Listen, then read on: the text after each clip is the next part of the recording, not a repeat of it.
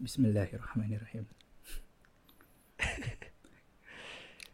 Halo semuanya, selamat datang kembali di 789 Podcast. Sebuah podcast yang dipandu oleh saya Pepe dan kedua teman saya Fadli dan juga Raka. Uh, podcast ini berisi obrolan ngalor ngidul kami yang belum tentu penting dan juga opini kami atas yang terjadi belakangan ini di dunia yang juga belum tentu benar. Hmm, podcast ini dibuat dari tiga zona waktu yang berbeda. Fadli di GMT plus 7, Raka di GMT plus 9, dan saya di GMT plus 8. Makanya namanya 789 Podcast. Tepuk tangan dulu tuh. Yeah. Selalu ya, pembukaan harus tepuk tangan. udah ini, soalnya udah, udah, lan ini. udah lancar sekarang uh, pembukaannya. hmm. Bagaimana teman-teman new normal? Aduh. Kayaknya ya aku di aku mah nggak berubah. Kayaknya P, P doang gak sih yang, yang berubah apa? gitu? Yang ngaruh gitu. Soalnya kan Fadli juga di masih di Bandung juga. Hmm. kamu gimana Pe di Bali? Di Bali alhamdulillah sudah dibuka penerbangan ke Bali.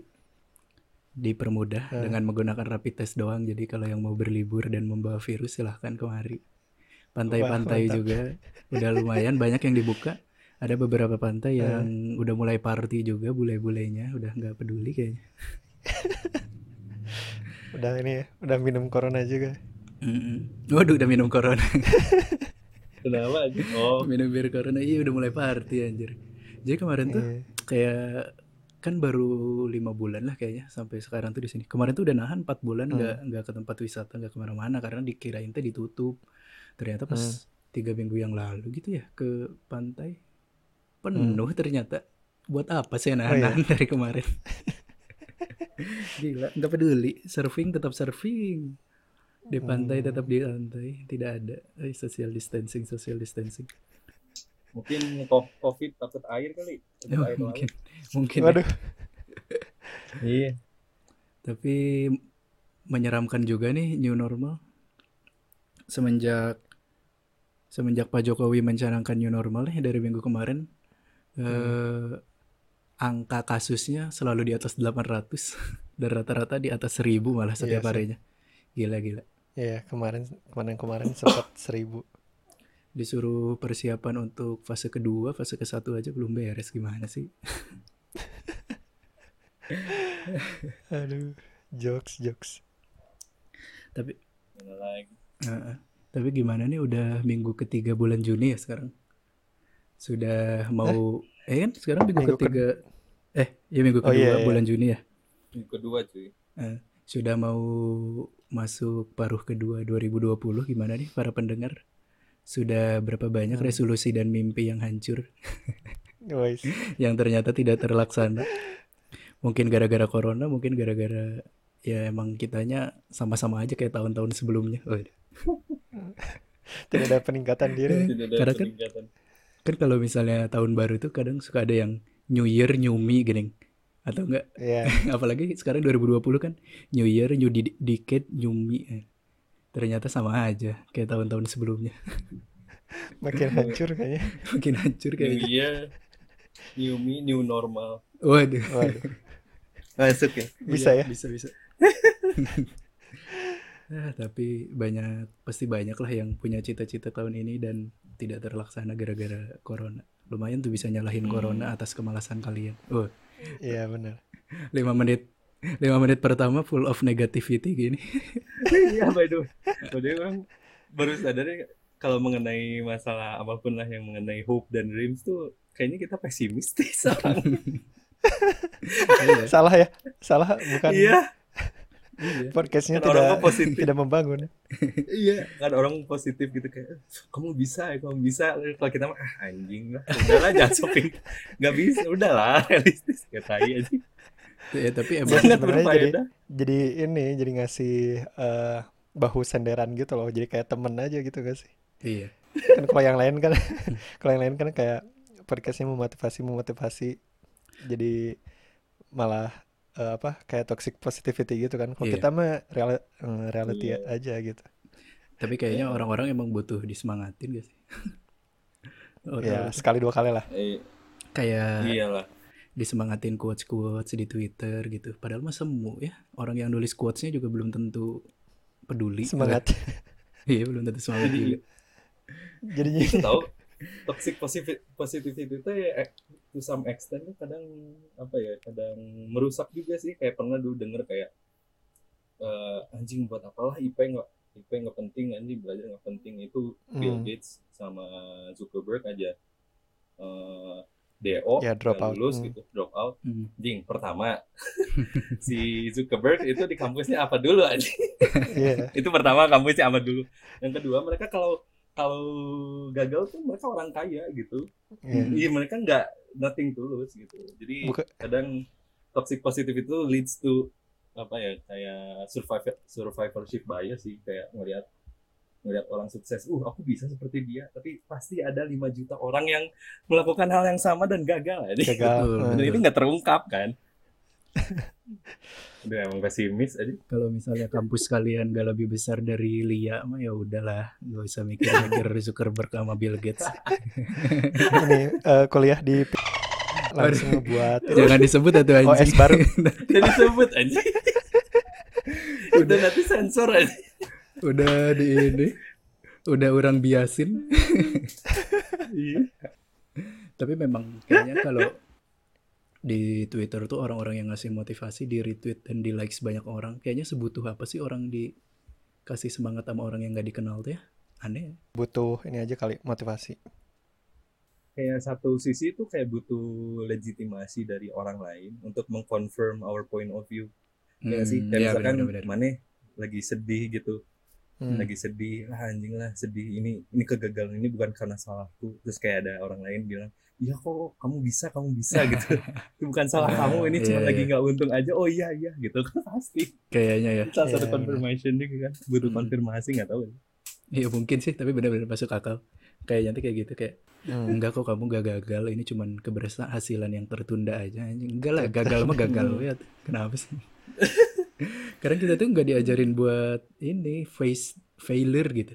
Kita tuh harus menghadapi Iya. kegagalan itu dengan gentle gitu. Kalau emang hidup lebih indah di mimpi mah udah tidur aja lah, nggak usah berusaha menghidupi mimpi. Ya udah. aduh demotivasi, demotivasi. butuh effort juga sih butuh effort dulu sih makanya Iya, itu betul. tadi yang analoginya kayak aduh eh, nggak perlu belajar lah ngapain aja nggak perlu IP bagus ya kalau andanya malas-malesan ya Iya benar. itu bukan jadi alasan yang legit lah kalau udah usaha. Kalau misalnya Gila. Mau mikir IP-nya gak bagus setidaknya aktif di organisasi atau apa gitu bisa menjahit, Iya. main musik, apa kayak. Ini mah Hmm. soft skill nggak ada, hard skill juga nggak ada. Aduh. Heeh, suka atau ibadah gitu kan iya jadi udah gagal harus seimbang ya, harus ada yang lebih gitu, harus ada yang lebih. Heeh. Iyalah kalau mau survive masa gagal semua Hmm. Aduh, 10 menit demotivasi ya. Kasihan yang Iya. denger. Selamat datang. Iya, Iya. biasa. Hawa-hawa hari Senin.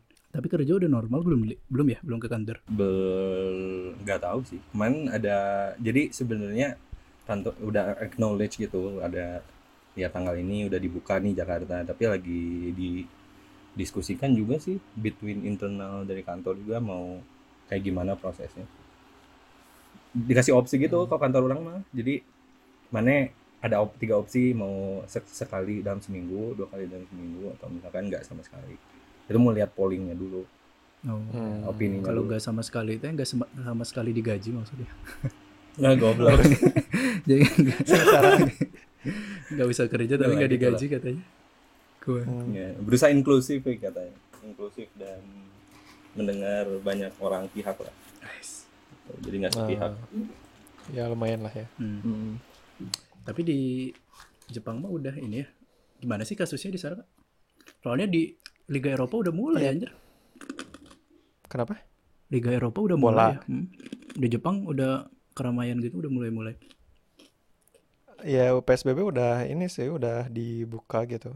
Cuman ya emang jadi ada kayak mulai-mulai second wave gitu sih, udah ada tanda-tandanya gitu. Kayak kemarin-kemarin ya udah jadi kan kemarin tuh apa PSBB dibuka tuh gara-gara si em, kasus barunya kayak di bawah cuman 10 gitu. Nah, terus kayak kemarin lumayan lagi ada yang nyampe ya Tokyo kayaknya nyampe 30 40 gitu per hari. Jadi kayak udah mulai alert lagi sih. Ya tetap sih kalau misalnya emang belum ada uh, vaksinnya ya lagi ya susah gitu ya. Apalagi kan kalau uh, Tokyo kan si uh, apa ya kayak transportasi gitu uh, naiknya kan emang cuman umum gitu ya banyak orang. Hmm. jadi apalagi di kereta gitu kan padat banget. Iya. susah gitu kalau misalnya belum ada vaksinnya gitu. Sama kayak Jakarta. Jakarta juga udah ya, mulai ramai Jakarta juga pasti susah sih. Hmm. wah gila sih. Semoga survive aja deh. Pingin berdoa semoga yeah, selesai tapi semoga sampai nggak tahu deh gimana. selamat sampai tahun depan. Iya semoga selamat sampai tujuan lah apa pun tujuannya Pak Jokowi. Aduh. Hmm. udah ini siapa lagi ya yang ini ih PS5 launching luar biasa yeah. luar biasa PS5 siapkan uh, siapkan ginjal anda. anda. berapa sih harganya? harganya berapa sih? 600 dolar ya, sih. 600 dolar estimasi harganya. Sepuluh hmm, juta. Masih estimasi ya? doang. Iya, paling nyampe Indonesia nya 10 12 juta lah kayaknya. Hmm, mungkin. Mana butuh ginjal Jing, tambahan ya? Beli, bit ya kan. Waduh. Terus orang nggak gojek? Nggak gojek ya. Mending beli ini selalu kenapa ya, Kak? Selalu orang Indonesia gitu ya kayak misalnya HP sekarang kan HP flagship gitu hmm. rata-rata ya di atas 10 juta apa gitu hmm. pasti uh, jokesnya tuh udah ih mending beli motor terus ntar digojekin tapi kan in real in reality juga nggak kalian nggak mungkin gitu dia ah benar juga ya gitu punya iya, 12 juta iya makanya itu kan kayak jokes doang iya memang memang daya belinya rendah gitu loh aja. daya belinya rendah mau ngejokes beli motor juga kan nggak kebeli juga gitu ya udah itu soalnya Sedih. mungkin harga motor dulu segituan kali 12 juta. Ya, uh, Padahal sekarang udah enggak ya? Enggak. Atau enggak enggak. Sekarang yang di bawah 10 juta mah udah yang tahun 2012, 2014 gitu-gitu. Hmm. 2014 itu udah Apa lama sih 6 tahun yang lalu. Kayak udah tua iya, banget. Iya. Udah tua. Iya. Hmm. Tidak semakin baik ini hidup tetap. Waduh. Kenapa ya hari ini full of negativity banget? Kayaknya yeah. gara-gara ini dah, gara-gara uh, berita yang seliweran di sosial media Sosial. anjing, anjing. Apa tuh? Apa tuh? Kemarin uh, ini tentu saja lah yang trending di mana-mana. Uh, penyiram novel Baswedan yang dicari selama hmm. tiga tahun ini udah ketemu dihukumnya cuma satu tahun. Anjing. Gimana? Ya, satu tahun gimana ya? Mungkin buat pendengar yang nggak tahu jadi Pak Novel Baswedan ini salah satu penyidiknya KPK terus dua hmm. tiga tahun lalu kayaknya ke setelah pulang sholat subuh ada orang yang tidak dikenal menyiram beliau dan hmm. sekarang matanya sebelah matanya buta gitu. Dan penyidikannya akhirnya ketahuan dua orang yang uh, menyiram yaitu ag- uh, apa anggota kepolisian. Tapi setelah persidangan dituntutnya cuma satu tahun penjara. Gimana menurut kalian? Tahu sih baca beri beritanya aneh banget sih. Apa ya pertama polisi ngapain aja? Melakukan hal itu ya. Kalau misalkan orang let's say orang tuh awam atau ignorant lah mengenai ini. Pertama polisi ngapain hmm. anjing nyiram air keras? Terus yang kedua in the first place ya iya kayak apa gitu. Terus yang kedua baca kayak itu kan bilangnya ya katanya kan bilangnya di tidak bisa dituntut nih si apa tuduhan primernya. Ini nggak tahu apakah dari hakim mem, sudah memutuskan atau dari penuntut umum ya. Uh, tapi hmm.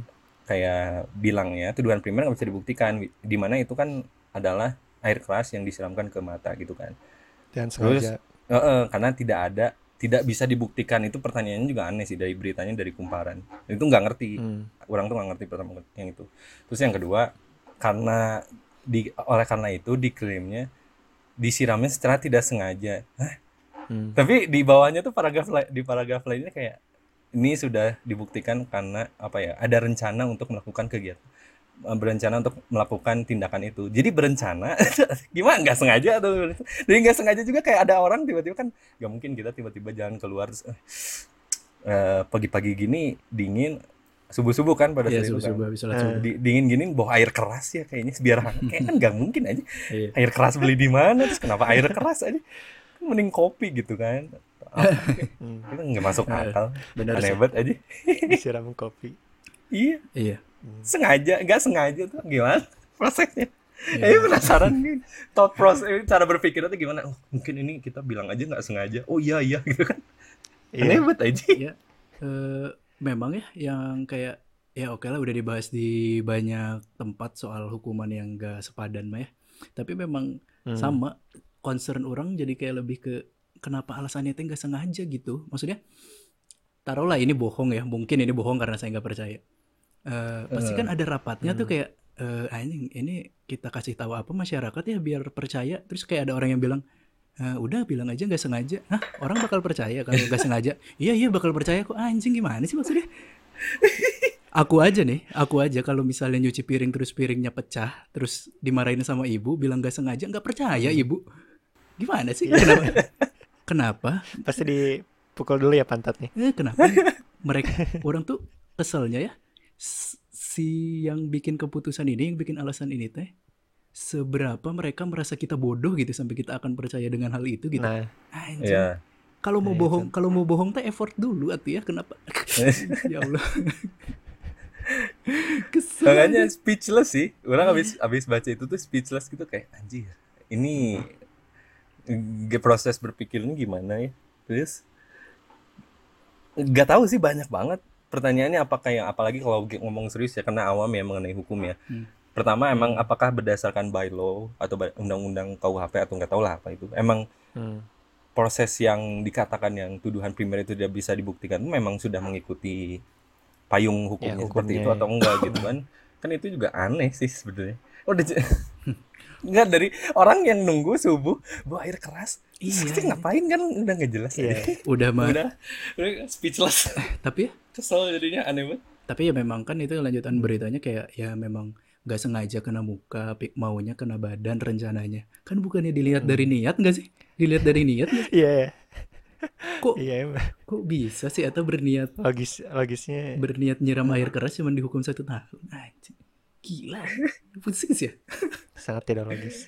tapi sedangkan kayak kemarin Iya. kan hmm, di beberapa kesempatan eh di beberapa waktu lalu ternyata ada juga kan beberapa penyiraman air keras kayak yang KDRT kayak yang pemandu Hmm. lagu Hmm. dihukumnya lama kok ada yang 13 tahun 7 tahun ya kenapa Ini kenapa cuma satu tahun doang? iya di Kasihan. ah nggak tahu sih kalau orang ekstrimnya ini kayaknya di ah ini just jadi supaya checklist aja gitu oh ini kita udah ngurusin Iya ini. beres. Hmm. Hmm. I'm not sure Kasus dia ini udah mereka beres. iya I'm not sure mereka ini sebenarnya pelaku benernya dalangnya kan. Hmm. dalangnya Kayaknya aja enggak nggak tahu siapa tapi kayak nggak tahu sih lucu aja gitu aja Eh, saya aja nih warga sipil nggak tahu beli air keras di mana gitu terus nggak tahu rumah Pak Novel Baswedan di mana dan Benar.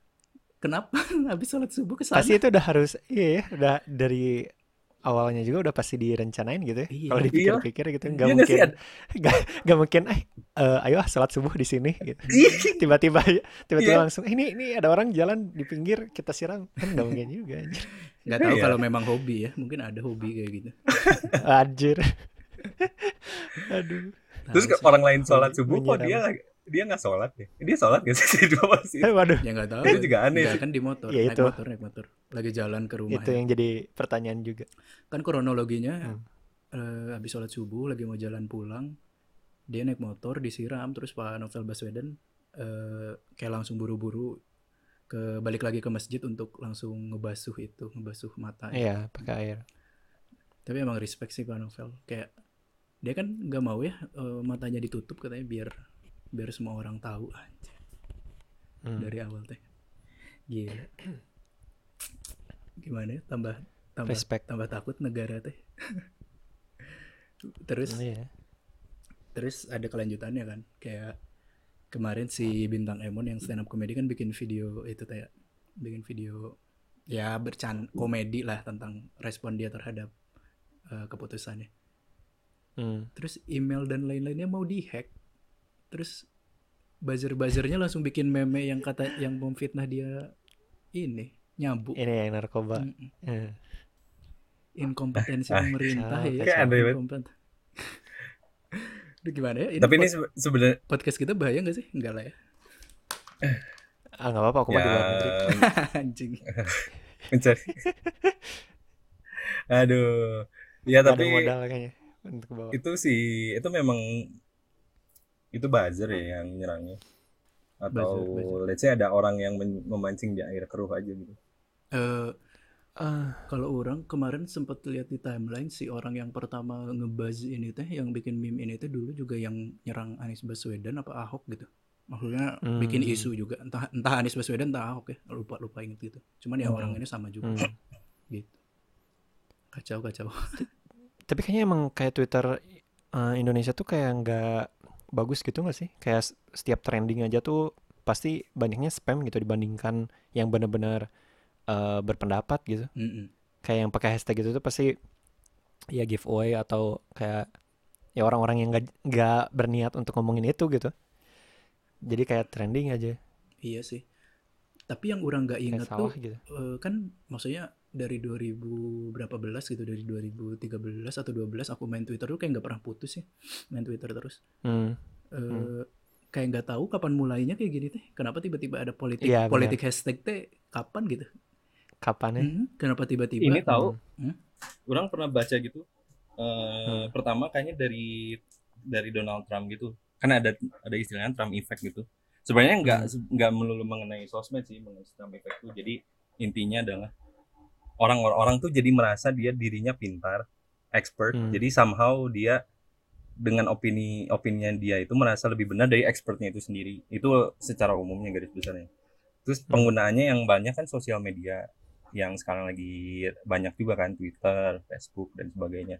Nah ini tuh Hmm. jadi si Trump juga menggunakan kalau nggak salah ya menggunakan taktik yang eh ah nggak tahu sih jelasnya kayak gimana tapi yang lebih Hmm. relate mungkin ya ganti ceritanya yang lebih relate tuh ke awal mulanya politik pada zaman eh awal-awal si Jokowi politik sama Ya, pilkada Pilpres. mencuatnya heeh.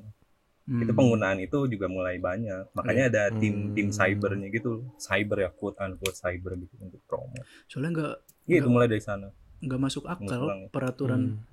nggak masuk akal peraturan dilawan sama hashtag teh apa kekuatannya gitu aja. Iya, kayak cuman munculin chaos aja nggak sih? Eh, Kayaknya tuh jadi pingin rich, ri- ah ya rusuh gitu Hmm. negara. Nggak nggak Iya. tahu sih. Aneh aneh banget. Ya menggiring opini sih mungkin ya Iya sih. just Ya sama how, menggiring opini iya, juga, benar. supaya dinamis komunikasi di antara orang-orang Tapi bener kata Raka sih maksudnya kayak kalau dipencet tuh hashtagnya isinya giveaway atau apa gitu. Mm, iya. Bagi pulsa, Iya, nggak ada yang bagi-bagi OVO, nyambung. bagi-bagi GoPay itu kan anjing ya itu sih beberapa bela- belakangan ini orang tuh suka ngerasa negara tuh nganggap kita sebodoh apa sih aja. Iya, nah itu Anjing. benar-benar. Kenapa kita mera kenapa kita akan misalkan kayak wah ada hashtag eh, pemerintah cinta masyarakat misalkan gitu ya. Hmm. Langsung Nah, tiba-tiba ada di alam bawah sadar kita gitu. Kalau kita merasa pemerintah cinta masyarakat. Kemarin aja pas Iya. BTS ulang tahun 7 dari 10 trending tentang BTS, orang gak jadi suka BTS kok. Iya, Kenapa pemerintah? Iya, makanya sama pertanyaannya mengenai K-pop sih. Kayak K-pop tuh nggak ngerti ya. Kayak misalkan let's say ada trending topiknya. Hmm. Pernah baca gitu di Twitter. Terus kayak pecinta-pecinta K-pop tuh kayak nge- ngupload-ngupload cuplikan-cuplikan. ya facecam. Eh, eh, facecam atau live nyanyi-nyanyi gitu untuk apa gitu. Hmm. Apakah itu disuruh sama kan sama kan konsep secara konsep sama Iya, dia sama berusaha dia untuk juga. nge-feed terus informasi kan. Kayak apa tujuannya? Iya. Apakah itu dari production house-nya si BTS gitu dibayar buzzer atau memang itu fans berat aja gitu. Tapi kalau misalnya itu. Iya, nggak tahu sih. teknik marketing sih masuk akal atau walaupun gak teknik marketing misalkan si Eta riding the waves karena Hmm. mungkin akun fanbase yang kayak pengen Hmm. ditemukan oleh Iya. orang bisa jadi kan. Tapi kalau pemerintah nih buat apa? Tahu ah, Nggak tahu lah. Iya sih. melawan melawan kritik tuh dengan cara di blok, dengan cara naikin hashtag. Mana sih? Eh, kayak anak Hmm. kecil tahu nggak? Mm-mm. Kayak udah dipukul dikit. Aku bilangin mama ya. Iya. Oh, langsung dibawa pasukannya. Berarti kalau pemerintah bilangin ke siapa, Kak? Hah? Kalau Oh, jangan. Kenapa gak ke. Panji? Fadli, ini Kenapa pasti nggak ke yang, Panji? yang suka buat emot yang yang kemarin buat emot. Kenapa gak ke Jangan Panji? dibuka dong. Jangan buka dibuka. Ntar hilang. Ntar ya. Hmm. Ntar Takut, hilang. takut, takut ada tiba-tiba tukang bakso ya. Hmm. Takut dihack ntar sama. ini tahu kalau sedikit quotes terakhir ya. Hmm. Itu kita kita teh katanya sih lahir di era demokrasi tapi mindsetnya masih peninggalan zaman orba aja. iya benar Itu sebenarnya nggak Hmm. siap aja demokrasi teh. Mm, Nggak harus siap debat gitu loh. Beda opini itu harus bisa. iya Iya. I- eh, aduh kalau ngomongin orba tuh suka jadi pingin marah tambah Nah, Waduh. tambah marah karena Mending kamu kamu masih pengen hidup kan? Iya. Tapi harus di ini sih harus di maksudnya harus di shout kalau sebenarnya Iya. yang paling buruk dari Orba itu sebenarnya bukan hutang dan Hmm. ya iyalah hasil bumi dan lain-lain dikeruk tapi Mm. kebebasan berpendapat dan apa ya cara berpikir sih yang kayaknya teh Hmm. itu ya. yang paling rugi dari Orba tuh kayaknya. Hmm. Hmm. Iya lah. Sama doktrin, dogma ya juga. Iya, doktrin dan dogma parah sih.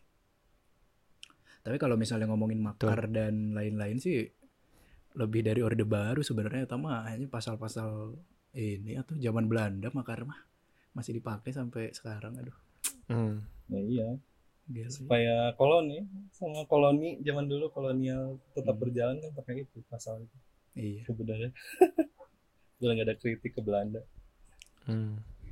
Bener ya kata Bung Karno teh perjuangan kalian lebih naonnya ya itulah oke ada quotes Bung Karno di di itu di Pasupati Bisa dicari Di di jembatan Google. ya. Eh. perjuangan ya itulah Masih muda negara kita tuh lah. 70 lah. 70 masih muda dibanding demok- demokrasi Amerika. Sedih udah berapa ratus tahun. iya Masih ada hope lah. Ini sedikit optimis lah. ya mungkin lah, insya Allah. Insya Allah lah. Ya Udah insya Allah lah. Hmm, masih ada hope kalau misalnya survive corona. kalau enggak ya Iya. Nah, entah. Masih ada inilah kayak Samara dan kawan-kawan. sah sama oh Marah sah. Oh. Aduh. Aku nggak mau komen itu ah. Ada unek ah enggak. Kita udah iya gitu Lanjut, lanjut. lanjut lanjut. apa ya oh iya itu sih tapi yang kayaknya highlight minggu ini itu banget Eh, apa semua orang ngomongin Novel Hmm. Baswedan dan Hmm. ini sih tahu ini gak Roy Murtado Eh, Enggak sih. Ini ya. Oh, ini ya. NU ya, Ustadz. Ustadz NU gitu. Iya Ustadz, nah dia tuh punya pondok pesantren ekologi ya gitu, jadi aktivis Hmm. lingkungan, Ustadz, eh, aktivis pergerakan lah. Nah kemarin Hmm. tuh sempat nge-tweet tentang bebaskan tujuh tapol Papua gitu kan, terus hilang twitternya anjir, gila. Emang sih, kacau, kacau. Ini emang, aduh pemerintah tuh kumaha sih. Hmm. Hmm. Ya mainannya nggak nggak rame gitu, Hmm. kayak cepu aja gitu, kayak main ngilangin Twitter orang gitu, kayak Iya, anjir bener-bener lemah kayaknya pemerintah nih. iya, Iya. Hmm. kasihan. Ya itulah harusnya tujuan dari Menkominfo itu adalah meng-create platform ya salah satu menurut orang ya sebagai warga nih meng-create Hmm. platform yang yang safe untuk orang beropini bikin, bikin safe environment untuk orang melakukan opini dibanding cuman fokus ke porno doang kan Iya. Iya gimana nih orang SMS judi aja tiap hari nggak diurusin. Kominfo, kominfo. Aku, ditawarin pinjaman sama judi mulu tiap hari belo. Terus, iya orang Ada ya kayaknya yang percaya nggak tahu. sama SMS judi gitu. eh, orang dapat terhitung 5 miliar lah dari PT Shopee dari entah nomor berapa dapat terus menang undian nggak tahu nih wah anjing emang Udah banyak banget. Kayaknya ya, sudah dikatakan untuk jadi kaya Harusnya udah kaya ya. Mm. eh iya, udah harusnya Hmm, Gimana kalau sebenarnya itu tuh bukan penipuan sih, Li? iya, Tapi gimana apa? coba Dli? beneran Pencet dulu coba, pencet. Raffi Ahmad Tapi mas ada bagi-bagi uang. tapi masa ada nama PT Shopee Sejahtera percaya nggak ada namanya UMKM mungkin itu UMKM baru. UMKM.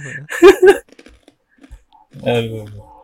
Ah, Juni ya sekarang bulan Juni tahu nggak Juni itu identik dengan apa coba Dengan apa? Dan apa? dengan puisi puisi percintaan coy seperti Anjing ini. Anjing anjing patah. bagus gak bagus anjing transisinya seperti Iya, bagus. seperti kata Bung Sapardi Seperti hujan di bulan Juni ya. yo Mantap. ada clue nggak kenapa bahas mengenai puisi di bulan Juni Ada clue nggak? Itu tuh basically, basically Butuh orang minta bantuan. tolong untuk dilanjut Iya, gitu loh iya dia butuh bantuan. Bridgingnya ya Allah, bridging, bridging. Eh, dia- kan sudah banyak hate lah sudah banyak hate Hmm, di sosmed Sekarang harus Saatnya mellow ya. harus mellow mengenai cinta dan kasih sayang Switch emosinya ini ya pendengar langsung Langsung bingung. 180 derajat gitu langsung aja kaget udah marah-marah Tiba-tiba, langsung tiba-tiba tiba-tiba hujan di bulan Juni. yang ketiga diadu Iya benar. mantap Seperti emang seperti roller coaster ya mendengarkan podcast. Yoi. suatu suatu terobosan Ada apa li cinta? Eh kemarin gi- gimana ini pendengar? sih nyambung yang ke Ucup Ah, sih udah denger podcast. Eh Mm-mm. kenapa ya? Z. aku teh ini nanya ke pendengar gitu, padahal kan gak bisa dijawab ya. iya Gimana? eh bisa bisa di DM di Instagram oh boleh iya sekarang udah Di- punya Instagram. ya di email juga boleh Iya itu apa? Eh, episode sebelumnya kan membahas kisah cinta Prasetyo Aji, Ucup dan Z. Hmm. Gimana kalian menanggapinya? eh menarik sih jadi ini ya jadi eh membuka wawasan Membuka kalau nikah agak Iya udah deh. kalau nikah ni- nikah itu challenging banget kayak Hmm. Tapi bagaimana sih hmm. sebenarnya tanggapan kalian terhadap nikah muda? Bukan nikah muda sih, yang penting di legal age tapi masih kayak ya 25 ke bawah. ya sebenarnya untuk ya untuk laki-laki untuk laki-laki masih kebilang muda nggak sih kayak kita gitu di kayaknya baru beberapa tahun lulus kuliah gitu misalkan Ucup nikah tahun kemarin ya Tahun kemarin. ya nggak sih Hmm, pas dia masih 25. berarti ya lulus dari kuliah baru berapa Kak? 4 tahun tahun. Berarti Eh, tiga tahun.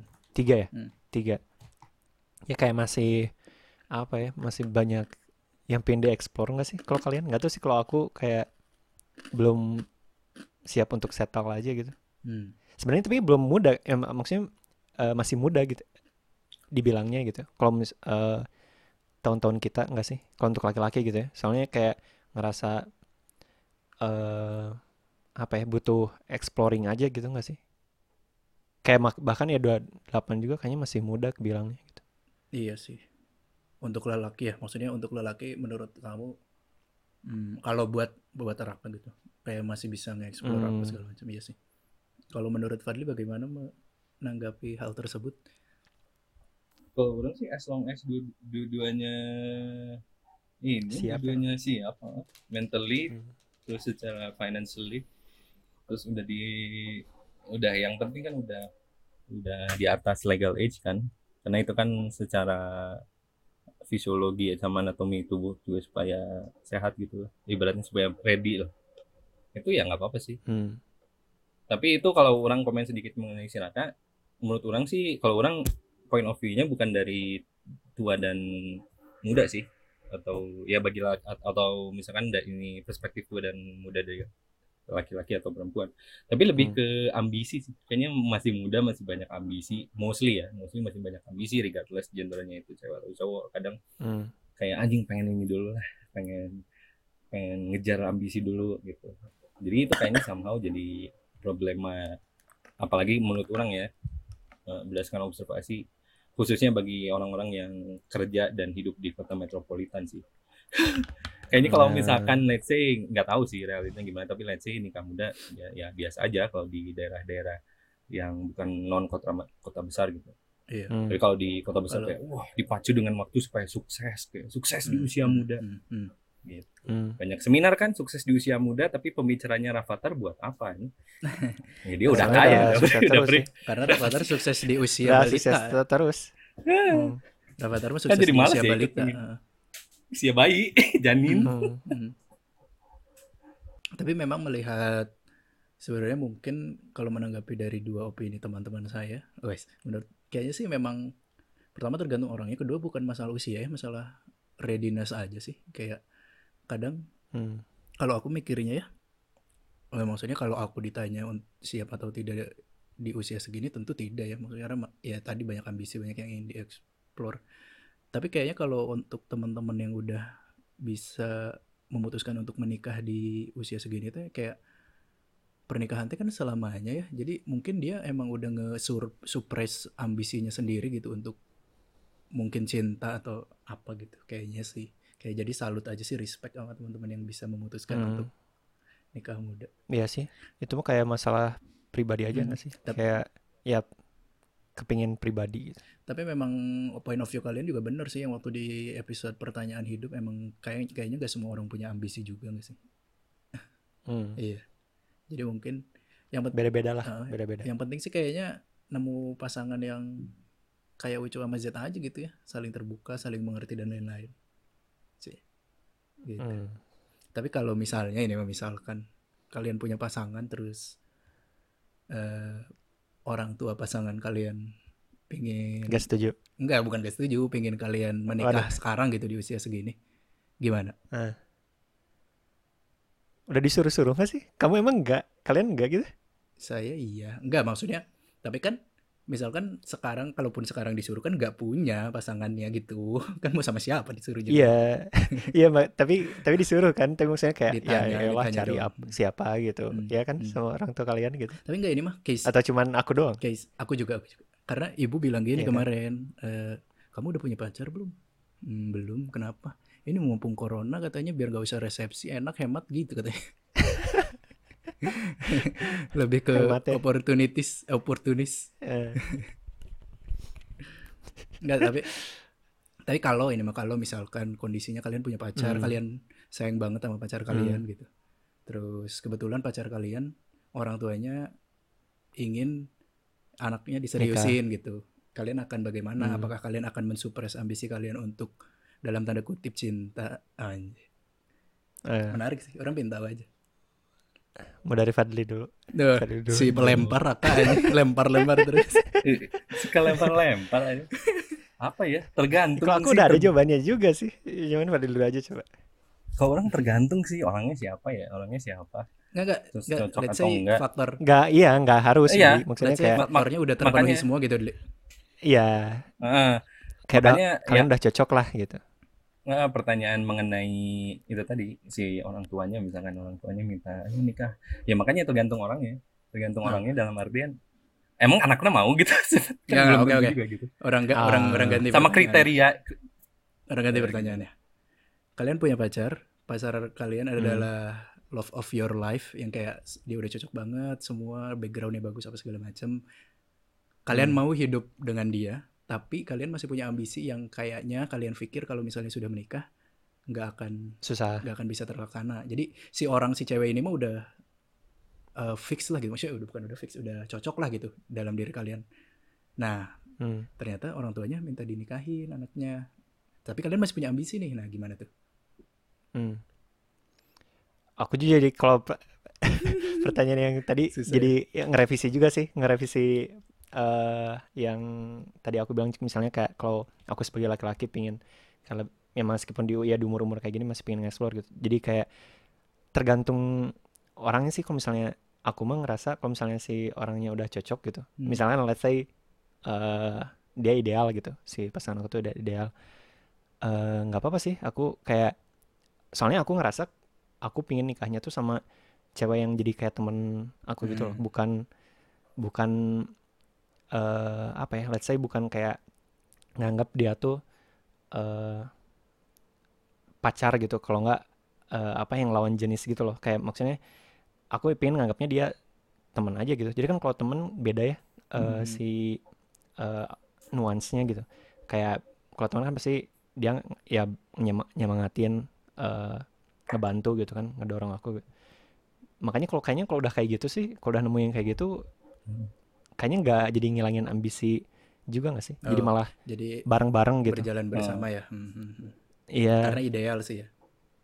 Eh, soalnya aku pernah gitu kan ini pengalaman sih. Terus, eh eh, ketemu di jadi ada temen eh, British aku gitu. Terus dia tuh bawa eh, istrinya eh, eh, waktu itu ketemuan gitu sama aku terus pas eh, dia kenalin sih jadi aku cuman kenal si cowoknya. Hmm. nah terus si cowoknya ini kenalin gitu kan si istrinya. Ya ini kenalin eh, terus dia kayak bilang eh, padahal ya di- mereka kayak baru nikah gitu terus kayak ke Jepang eh ya hidup berdua gitu. Terus aku ngeliat mereka kayak anjir jadi iri gini gitu kayak pingin gitu. Ah, ada yang nemenin gitu. Oke, oke. kayaknya kalau ada eh, kalau ada yang nemu yang kayak gitu sih nggak apa-apa Fadli gimana Li? Iya, itu tadi tergantung orangnya nggak sih. Kalau in the first place sebelum bahas ke orang tuanya aja, kan pertama mencari pasangan kan mencari yang sesuai dengan kriteria. Jadi one of my kriteria sebenarnya adalah itu tadi kayak ini orang udah punya kita bikin kita set rule aja deh gitu. Kayaknya kasarnya ya. Hmm. Ya orang punya ambisi ini, terus mana punya ambisi A. Ya udah, let's say tapi orang juga secara emotionally orang juga attracted sama orang itu. Let's say kita ya udah berdiskusi aja gimana cara eh, ambisinya itu tercapai karena ambisi orang nggak spesifik per se misalkan kayak orang pengen jadi eh let's say presiden gitu orang nggak kayak gitu Hmm. sih orang lebih aimnya lebih goal lagi eh, lebih broad sih kayaknya yang untuk sekarang ya. fleksibel ya Heeh, jadi ketika sudah bersama dan formnya berubah lah ya tools tools atau cara untuk mencapai goals itu berubah jadi nggak masalah sama sekali sih gitu. Hmm. Hmm, hmm. Gitu. Ya, Pak. Ya, ya menarik, menarik. Jadi tapi pasti ada ininya tapi pasti ada trade off-nya sih tapi pasti ada trade off-nya gitu loh kayak misalkan let's say oke orang punya ambisi A tapi pasti Hmm. akan ada ada momen anjing nggak bisa nih pasti pasti karena iya nggak mungkin nggak mungkin harga- mulus eh sih kan harga susu Iya. mahal misalkan. Terus pendidikan TK harga benar, sesuatu benar. 15 juta. TK orang baru tahu mahal. ya, TK swasta. Buku- 15 juta apa kok? Itu mahal itu seharga PS aja. Buku paket Erlangga mahal. paket mahal. Yo iya benar. Gitu. Iya sih. makanya Hmm. pasti sih. Jadi nggak masalah. Toh mau toh menhidup hidup dengan orang yang disayang nih kayak hidup dan spend your, the rest of your life itu juga salah satu my ambition Hmm, hmm. Iya. sederhana sih orang masa tua orang kayak gitu doang Nice. Jangan jadi sedih lagi ya tuh. aduh sedih Eh, yang mau ini yang mau eh, ngelamar jadi jodohnya Fadli boleh Iya, boleh. waduh ngerah banget aingnya Yang penting yang penting tahu inilah. Tahu Aristoteles sama Plato siapa lah. Jangan bodoh-bodoh amat ya Iya. kalau mau jadi pacarnya. Fadli. ya jangan jangan terlalu hmm, at least knowledgeable Knowledge dikit. sebelah dikit. Tuh, kita cariin Li. Hmm. ya kita membuka Membuka jalan. Hmm. Mantap, mantap. Aduh, apa ya? Nanya lagi ya. Tapi kalau misalnya Pepe enggak itu Pepe gimana tuh dong pendapatnya aku tuh udah sengaja biar aku yang nanya gak bisa jawab. saya tai waduh Enggak lah kalau misalnya udah nemu yang cocok mah kenapa enggak. Tapi ini mah ini aja sharing aja. Kayak aku tuh sampai sekarang kayaknya takut banget sama pernikahan karena hmm, kayaknya ya kayaknya setelah muhasabah diri kenapa aku takut banget sama Hmm. nikah. Kayaknya aku tuh takut bertanggung jawab, takut apa ya? Takut menambah tanggung jawab diri gitu. Sedangkan Hmm. eh, gimana ya? belum siap lah gitu ya Ah, iya belum siap gitu dan belum kalau kalau kayak dipikir-pikir tuh belum tahu mau ke depannya tuh mau apa.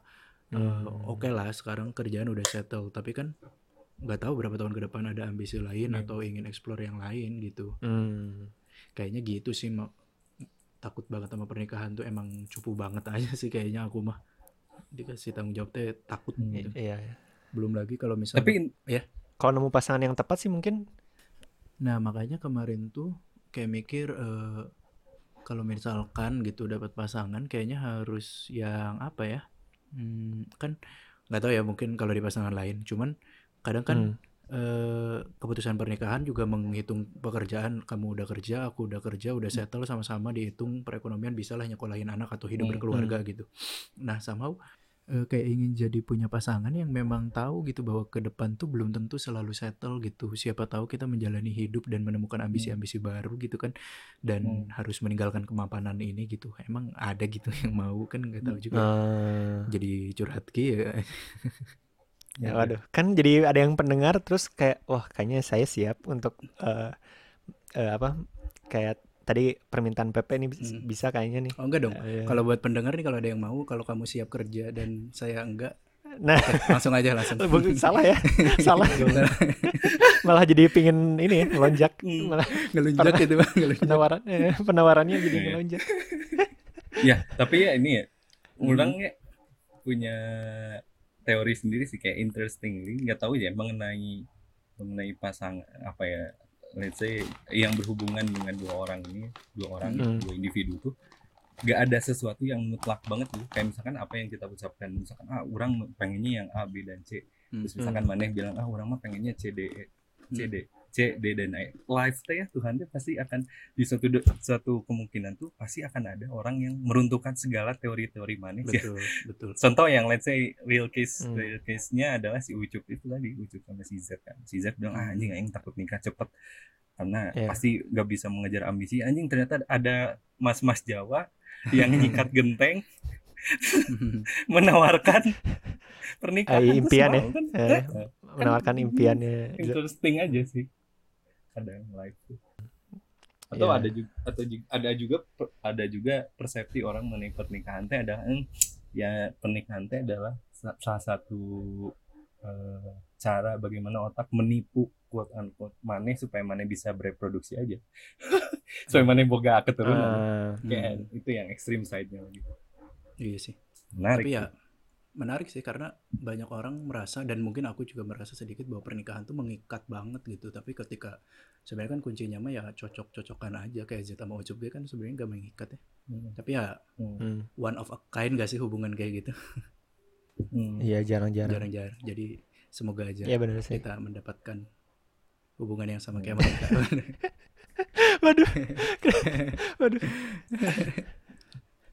Orang ada Jadi pertanyaan nih. Hmm? Pertanyaan. Tapi ini agak Hmm. sedikit geli sih kayak di pengalaman hidup maneh eh, kapan momen maneh bilang oh ini teh cinta anjing anjing bukan pertemanan apa Waduh. gitu orang penasaran mengenai itu sih kayak definisi eta teh apa gitu definisi Benar, tapi naon gitu. tapi iya gak sih tapi yang di, yang dipertanyain gitu? Fadlin itu tadi sempat keingetan gitu. Iya, lagi lagi dimandikan, lagi shower thought gitu loh. Oh. Anjing bener, apa ya itu cinta? Oh, anjing. Sampai- anjing terus kayak air-air dari shower membasahi tubuh. Langsung kayak jatuh. Jangan anjing. mukanya sambil menghadap shower teh Iya, supaya langsung ini gini supaya mengaburkan sambil- antara tetes mata dan air shower haru Tah, bener. Terus kayak mat- si tangannya tuh eh, tangannya tuh ke ini apa kayak eh, ke, Ke tembok. rambut gitu. Oh, ke rambut. Kayak eh, ke tembok satu Ketemu- sama eh, ke eh, rambut satu. Anjir. kebayang kebayang lagi bangsa Kebayang apa itu cinta? eh eh tapi bener gak sih? Ka- kapan nggak mana merasakan kayak iya apa itu tuh? Apakah sesuatu ya maksudnya momen itu tuh muncul kapan dan apa bentukannya? Terus apakah itu berdasarkan by effort atau by incidental aja gitu? Kayak misalkan anjing tiba-tiba gitu melihat wah aing mencintai si eta atau misalkan by effort Aduh, di build up berdasarkan effort mana Tapi tergant jadi kayak eh, apa ya kayak pandangan cinta tuh berkembang terus gitu gak sih? Setiap eh, jadi kayak eh, beda-beda gitu per umurnya kayak misalnya pas TK gitu nemu cintanya paling kan kayak ya cinta kayak ya sayang ya mirip lah kayak rasa sayang ke orang tua Hmm. gitu kan ke teman-teman Hmm. gitu. TK mah yang cinta Kayak SD udah mulai kenapa? TK mah masih cuman cinta ibu aja Iya kan cinta-cinta Iya. kayak yang keluarga gitu doang Hmm. kan. Terus kayak SD udah ningkat gitu kayak udah mulai kayak oh dia cantik gitu. Jadi cuman kayak muka dari muka gitu ya dari appearance doang kan biasanya kayak oh ini cantik gitu. Kalau enggak Hmm. dari gimana cara dia kan kalau Hmm. TK misalnya ya masih baik-baik gitu ya kayak eh, oh ini buat kamu buat apa ngasih gitu ngasih sesuatu gift Hmm. gitu kan. Kayak beda-beda gitu nggak sih kayak dari SMP SMA udah mulai agak ngerti lah gitu. Oh si ini eh, cantik gitu. Terus kayak eh, nyambung dan segala macamnya gitu Hmm, kayak hmm. ya berkembang aja gitu. Nah, kalau sekarang di masa sekarang gitu, aku ngerasa kayak lebih rumit sih. Kayak eh kayaknya nikah tuh nggak harus cinta juga gitu. Hmm. Maksudnya kayak Hmm. ada ada eh, di Jepang gitu ya. eh, ada kayak eh, apa ya acara reality show lah. Jadi eh, dia tuh pernah eh, si acaranya tuh kayak eh, ini kayak game-game cinta gitu. Hmm. Terus kayak ada kakek nenek Hmm. ikutan si games cinta itu. Terus diwawancara katanya. Jadi si games cintanya tuh kayak gini. Jadi eh, suruh pegangan si nenek kakek ini pegangan tangan keliling sambil jual apa dia di supermarket si gamenya tuh. Jadi eh, beli, beli belanjaan sambil pegangan tangan. Nah si kakek kan kalau Jepang tuh rata-rata orangnya pemalu ya. Si eh, untuk ngungkapin gitu eh, perasaan kayak bukan ngungkapin doang maksudnya kayak eh, ngeliatin ke publik gitu ya. Nah si nenek kakek itu pegangan tangan aja terus kayak ya berani gitu berani ngikutin challenge itu. Terus uh, belanja belanja jadi gratis si belanjanya kalau hmm. pegangan tangan sampai akhir.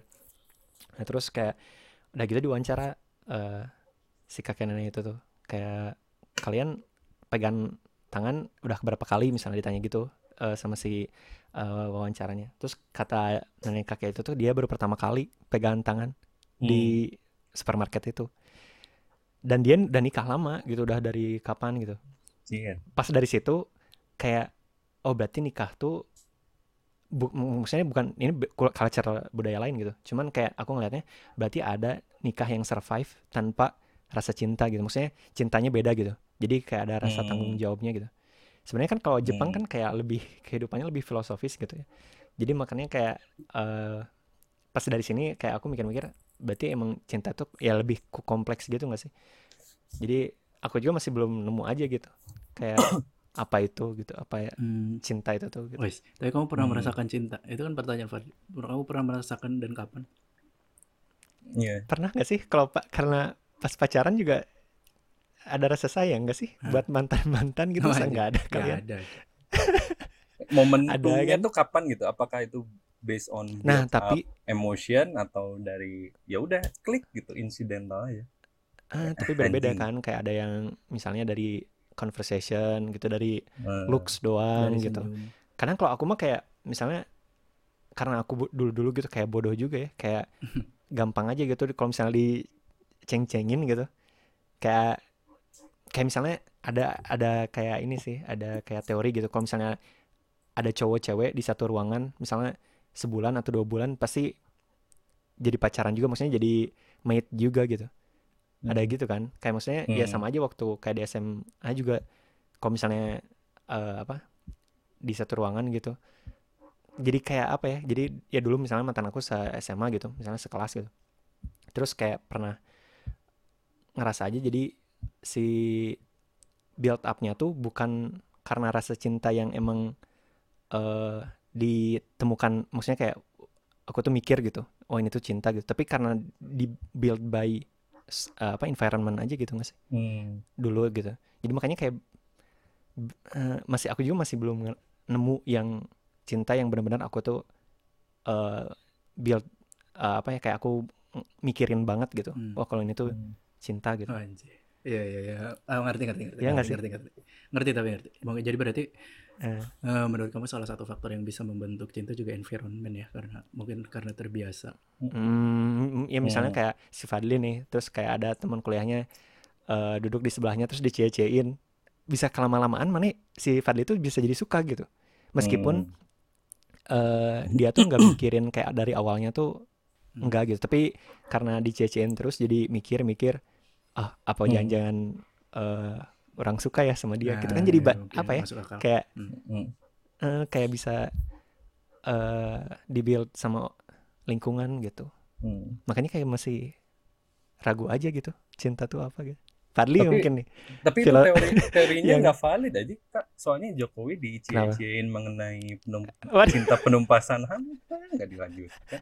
Anjing, ada selipan-selipan ya, pesan moral. Beda. Keren kan? Beda dong. Kenapa Jokowi? ah, jangan dong. Takut. hmm. Pepe dulu lah, Pepe, Pepe jauh. Gimana ya? Takut eh jauhnya kapan pernah merasakan cinta? Takut eh jawabnya? Gimana? Eh kenapa jadi takut jadi, dia takut. jadi malu-malu aja? Bukan malu karena mungkin jawaban jujurnya bisa berbahaya gitu jadi kita takut. Dia takut. Takut. Gimana? Eh takut eh. Iya soalnya tuh kayak bahaya ya aku ngerti pak. aku ngerti. Tapi ya memang sampai saat ini ya ngerasa cinta itu tidak terdefinisi pisan. Yeah. gitu. menarik aja karena Kayaknya cinta tuh banyak gitu bentuknya gitu. Kayak tadi setuju sama yang Raka ceritain. Tapi pernah juga aku merasakan hmm. dulu tuh suka banget gitu suka sama orang. Ketika udah lama gak ketemu, gak komunikasi, terus ketemu masih ada spark dan masih ada perasaan hmm. ya. Orang hmm. merasa mungkin itu juga hmm. cinta gitu. Tapi kan sebenarnya bener atau hmm. enggak mah gak tahu. Hmm. Tapi kayaknya gak usah dilanjut. Kayak lagu apa ya? Kayak What is love? Lagu Baby don't hurt me. Eh tapi kalau misalnya pertanyaannya first love gitu kapan? Pernah dulu waktu SMA ya punya pacar gitu. Terus si mantan ini teh orang yang pertama kali nangis gara-gara aku. Anjing, Hmm. kok dari orang sih perspektif orang bukan mana ini? Menarik sih, tapi Enggak beneran, kayak apa ya rasanya tuh? Ada yang sayang gitu sama mana? hmm, Eh, kayak dia tuh orang yang pertama kali nangis gara-gara takut Eh. meninggalkan, makanya kayaknya itu sih first love gitu, benar-benar cinta. Ya tapi yang pertama gitu Hmm. ya. Tapi emang Hmm. setuju juga sih kayak kata si Raka. Kayaknya emang cinta tuh berubah bentuk. Karena dulu mungkin pertama kali eh, merasa cinta tuh hmm, kayak gitu gitu bentuknya. Tapi sekarang mungkin hmm. lebih kompleks lagi atau gimana gitu. Tapi ya itu tetap sih Hmm. nggak tahu definisi sebenarnya tuh gimana. Waduh. Waduh, iya, iya. Iya. Kalau Padli gimana, Dli? Jangan Anda nanya tapi tetap harus Iya, jawab. jangan Anda doang. Justru nanya Jangan karena nggak ngerti Anda. sih. Beneran. Orang tuh nggak ngerti gitu loh, nggak ngerti. Kayak pernah pernah gitu kayak kayak ada ada apa pernah jadi teman curhat gitu, "Wah, aku mengenai apa cinta itu kayak anjing. Mana jangan nanya ke orang, orang aja nggak ngerti gitu. Tapi menurut kamu itu. yang kamu rasakan gitu di pengalaman gitu. Iya. Eh, Hmm. it's Shower- it's kind of both both juga. way gitu both way gitu both way gitu kadang ada ya kadang si incidental moment itu adalah build up dari eh, ketertarikan dari hal-hal yang kecil gitu loh sama yang Hmm. yang match dengan dengan kriteria mana gitu ya let's say kriteria lah kayak ada beberapa momentum kecil kayak mungkin eh, counterpartsnya tidak tidak secara intentionally ngelakuin itu gitu.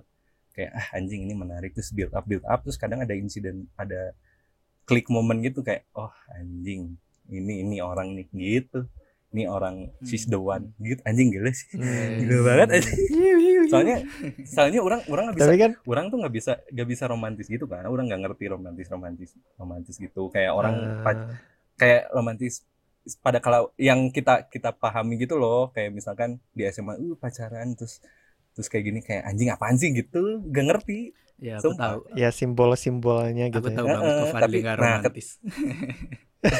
ketika Saya- itu terjadi berarti itu benar-benar oh iya benar gitu ini orang bisa meruntuhkan segala cara pandang orang Iya sih. Eh, itu sih Iya, tapi iya. yang kalau orang ngelihat yang bent- yang paling pure ya pure mengenai love atau cinta itu menurut orang adalah cinta tanah air. hanya dari orang aduh anjing bukan dong Aduh. tapi orang-orang tua ke Iya, iya, anak itu loh Ah, iya. ibu ibu ke anak itu kayak misalkan let's say eh, orang ibu lah spesifiknya ibu gitu loh dia Hmm. dia mau dia mati aja tuh nggak apa-apa asal anaknya hidup lah Betul kasarnya betul betul. anjing itu anjing that's that's the next level of love gitu Oh, iyalah, itu mah udah Iya. Itu mah udah di atasnya banget sih. Hmm. Iya, gitu. Ya, Jadi Makanya ketika yang ketika kita kita bahas ambisi ya kita ketika bahas ambisi Hmm. kadang kadang ada juga yang ambisinya harus diredam gitu demi demi pernikahan itu coba bayangin ya Hmm.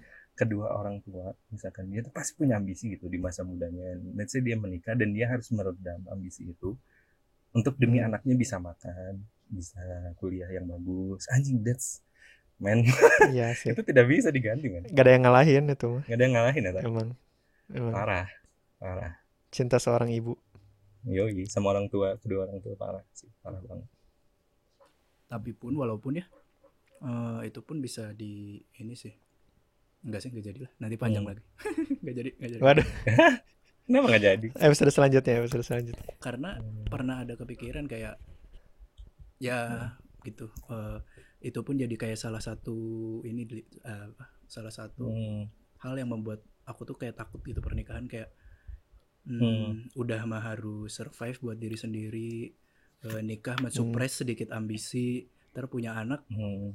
waduh ditambah eh, kayak harus bertanggung jawab ke anaknya gitu dan kayaknya kayak Hmm. udah kalaupun sekarang ignorance tapi kalau udah nikah mah pasti dan punya anak pasti sayang sih maksudnya dan kayak Hmm. eh, apakah aku siap itu untuk merelakan ambisi-ambisi itu dengan dan mencurahkannya kepada anak nanti itu kayak anjing the whole next level aja gitu iya aduh udah satu jam jadi sedih Masih pengen lanjut? sedih. Bisa lah tiga jam. Oh, Masih pingin lanjut. Lanjut aja. Gak mau Masih udahan, pengen gak lanjut. Ini eh masukin koin Bayar billing. isi nyawa baru. Eh, Iya gitu. Apalagi itu.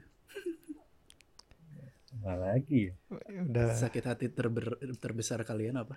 Eh, para- pasangan Aduh, ya, pasangan ya, bukan ini. Enggak, tapi kalau nggak nggak usah spesifik cerita.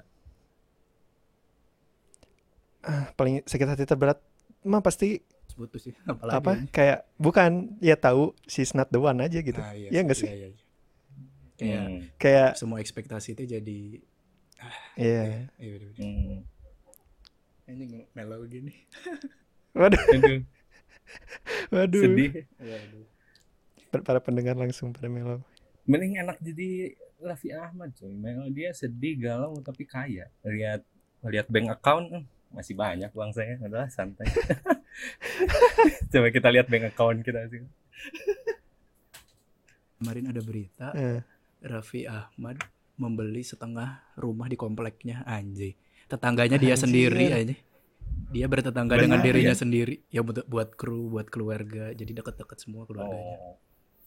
Edan, anjir. Edan sekaya itu. Sul- Gila, gila. Sultan Andara, Sultan Andara. Sultan Andara tuh Hmm. apa sih? Andara tuh nama Istilah. daerah, nama daerah. Dekat kantor yang di Oh. Depok dulu aku dulu. Jadi dulu kayak kalau ngelewat anjing ini nih kompleknya Raffi Ahmad gitu. Oh. Dekat daerah Jakarta Selatan. Nggak tahu ya maksudnya entah Depok entah Jakarta Selatan gitu. Hmm. Trivia profil Raffi Ahmad. Tapi kalau ngomong-ngomongin patah hati ya, kayaknya Hmm. negara udah terlalu sering bikin kita patah hati lah anjay. Waduh. Anjir. Balik lagi. Aduh. Jadi Balik lagi. politis. ya udahlah, udah aja ya Hmm. kali atau masih ada. Hmm. Udah. Udah deh mungkin minggu depan juga kan lanjut. Kemungkinan eh, ngobrolin cinta-cinta lagi juga. Oh iya. Jadi Ya. sekarang mulai bulan ini kayaknya teman-teman akan jadwalnya eh, kita interview lalu episode biasa lalu interview lagi gitu. Hmm. Gitu biasa Temanya apa? di- temanya nggak bulan tahu. Bulan ini cinta. Kemungkinan online dating. Oh, online dating. Minggu depan ya? Yang minggu depan. Ya, minggu depan. Iya, Hmm. boleh lah. Tapi- kalau ada teman-teman punya pengalaman yang menarik mengenai Hmm. ini bisa Iya sih. Cinta-cinta juga. Pengen tahu sih sebenarnya pengen tahu Iya. orang lain gimana memandangnya. Hmm. Iya, betul. Kalau punya pengalaman ini juga eh, nyempratin air pas? Kalau punya pengalaman kriminal, kalau punya pengalaman kriminal Iya. silahkan. Kriminal juga boleh. Tapi enggak. Tapi serius kirim email ke 789gmt@gmail.com kalau kalian punya pengalaman-pengalaman seru di percintaan eh, atau mau curhat Sangat soal diapresiasi. eh, atau mau curhat soal patah hati atau apa atau cinta yang tidak tersampaikan silahkan di email ke 789 eh 789gmt@gmail.com. Terus sekarang kita juga punya Instagram at 789gmt di follow ya untuk tahu. Enggak, podcast. Oh salah. Nggak, Salah, Pak. lagi. At 789 podcast. Kalau mau silahkan Iya. di follow atau ada cerita misalkan males nulis email boleh lewat DM ke kita gitu. Mau Yoi. mau merekomendasikan apa? Aku ada satu sih eh, album barunya Burger Kill mantap. Ya dia Aduh, Oke. burger kita. Yang suka yang suka metal. yang suka metal. Dia kayak ini apa? Kolaborasi gitu sama orkestra judulnya Killkestra. Keren sih keren. Hmm. Remake beberapa Ah. lagunya gitu. Keren ya dengerin. Apa namanya? Killkestra Burger Kill. Oke.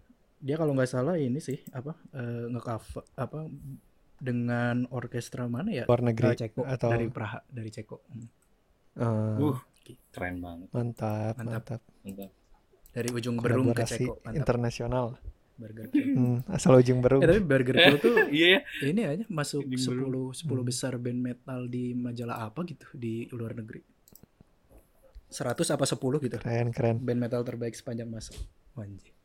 Udah itu aja rekomendasinya. Kalian apa? Aku nggak ada sih. Eh, Karena mengenai percintaan nih, mau banyak-banyak ngaji lah, banyak sholat supaya supaya dipermudah lah. Eta, Ngaji, Sebab- anjir. eh bener kan? Iya benar. Eh, Eh benar semua masalah harus ngaji. Hmm. Heeh. biar universe itu menarik orang yang sesuai dengan mana. Iya. Tuh, Kalau suka ngaji ya ngaji.